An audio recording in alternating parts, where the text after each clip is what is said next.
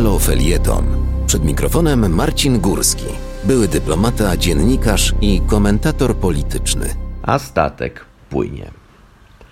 Donald Tusk został w sobotę tymczasowym szefem Platformy Obywatelskiej. W ten sposób były premier wrócił do polskiej polityki po siedmiu latach przerwy. Dotychczasowy przewodniczący Platformy Borys Budka oświadczył na Radzie Krajowej, że na jego zaproszenie i prośbę były przewodniczący wraca do polskiej polityki, aby zaangażować się w budowę lepszej przyszłości. Zakończył swoje przemówienie słowami: Drogi Donaldzie, chcę ci przekazać stery, byś poprowadził nas do zwycięstwa. Następnie zaczął przemawiać sam Tusk.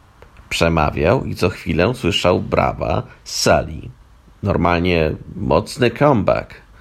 Wszyscy na sali lepiej lub gorzej bili brawo i cieszyli się z powrotu do polskiej polityki byłego premiera. Jedynie Rafał Trzaskowski miał wyraz twarzy, jakby robił dobrą minę do złej gry.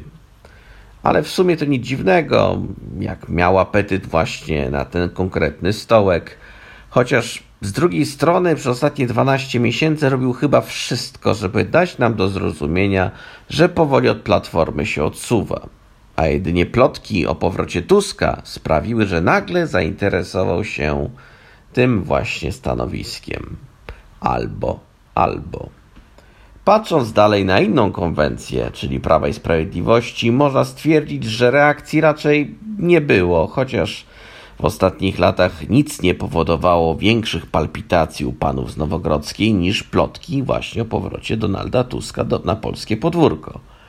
Jak co prawda jestem przekonany, że sam Kaczyński raczej spał w nocy, ale mógł być tymi spekulacjami mocno poirytowany. Teraz rzeczywiście może pojawić się ktoś, kto realnie jest w stanie zagrozić, bo o reszcie opozycji nie ma co mówić. Owszem, TVP działało na pełnych obrotach, ale to akurat nic nowego. Tak myślę o tym słowach Borysa Budki o przekazaniu steru i przychodzi do mi na myśl taka historia.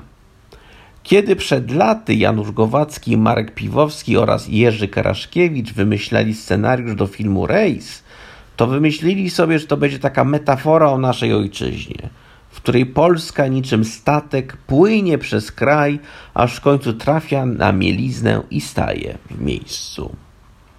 W tym metaforycznym statkiem może być teraz trochę platforma. Ostatnie wybory parlamentarne wygrała 10 lat temu i od tamtej pory statek jakby powoli zaczął zwalniać. Tusk sam poleciał w kierunku zachodu, a nowi sterownicy nie byli w stanie utrzymać kursu. No i ten właśnie statek zaczął płynąć w kierunku mielizny.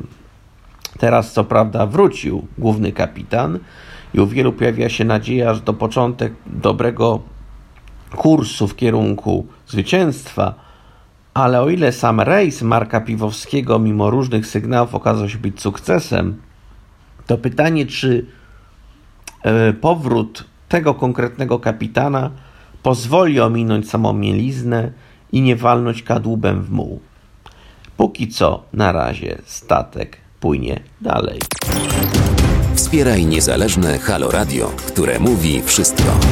www.halo.radio ukośnik SOS. Dziękujemy.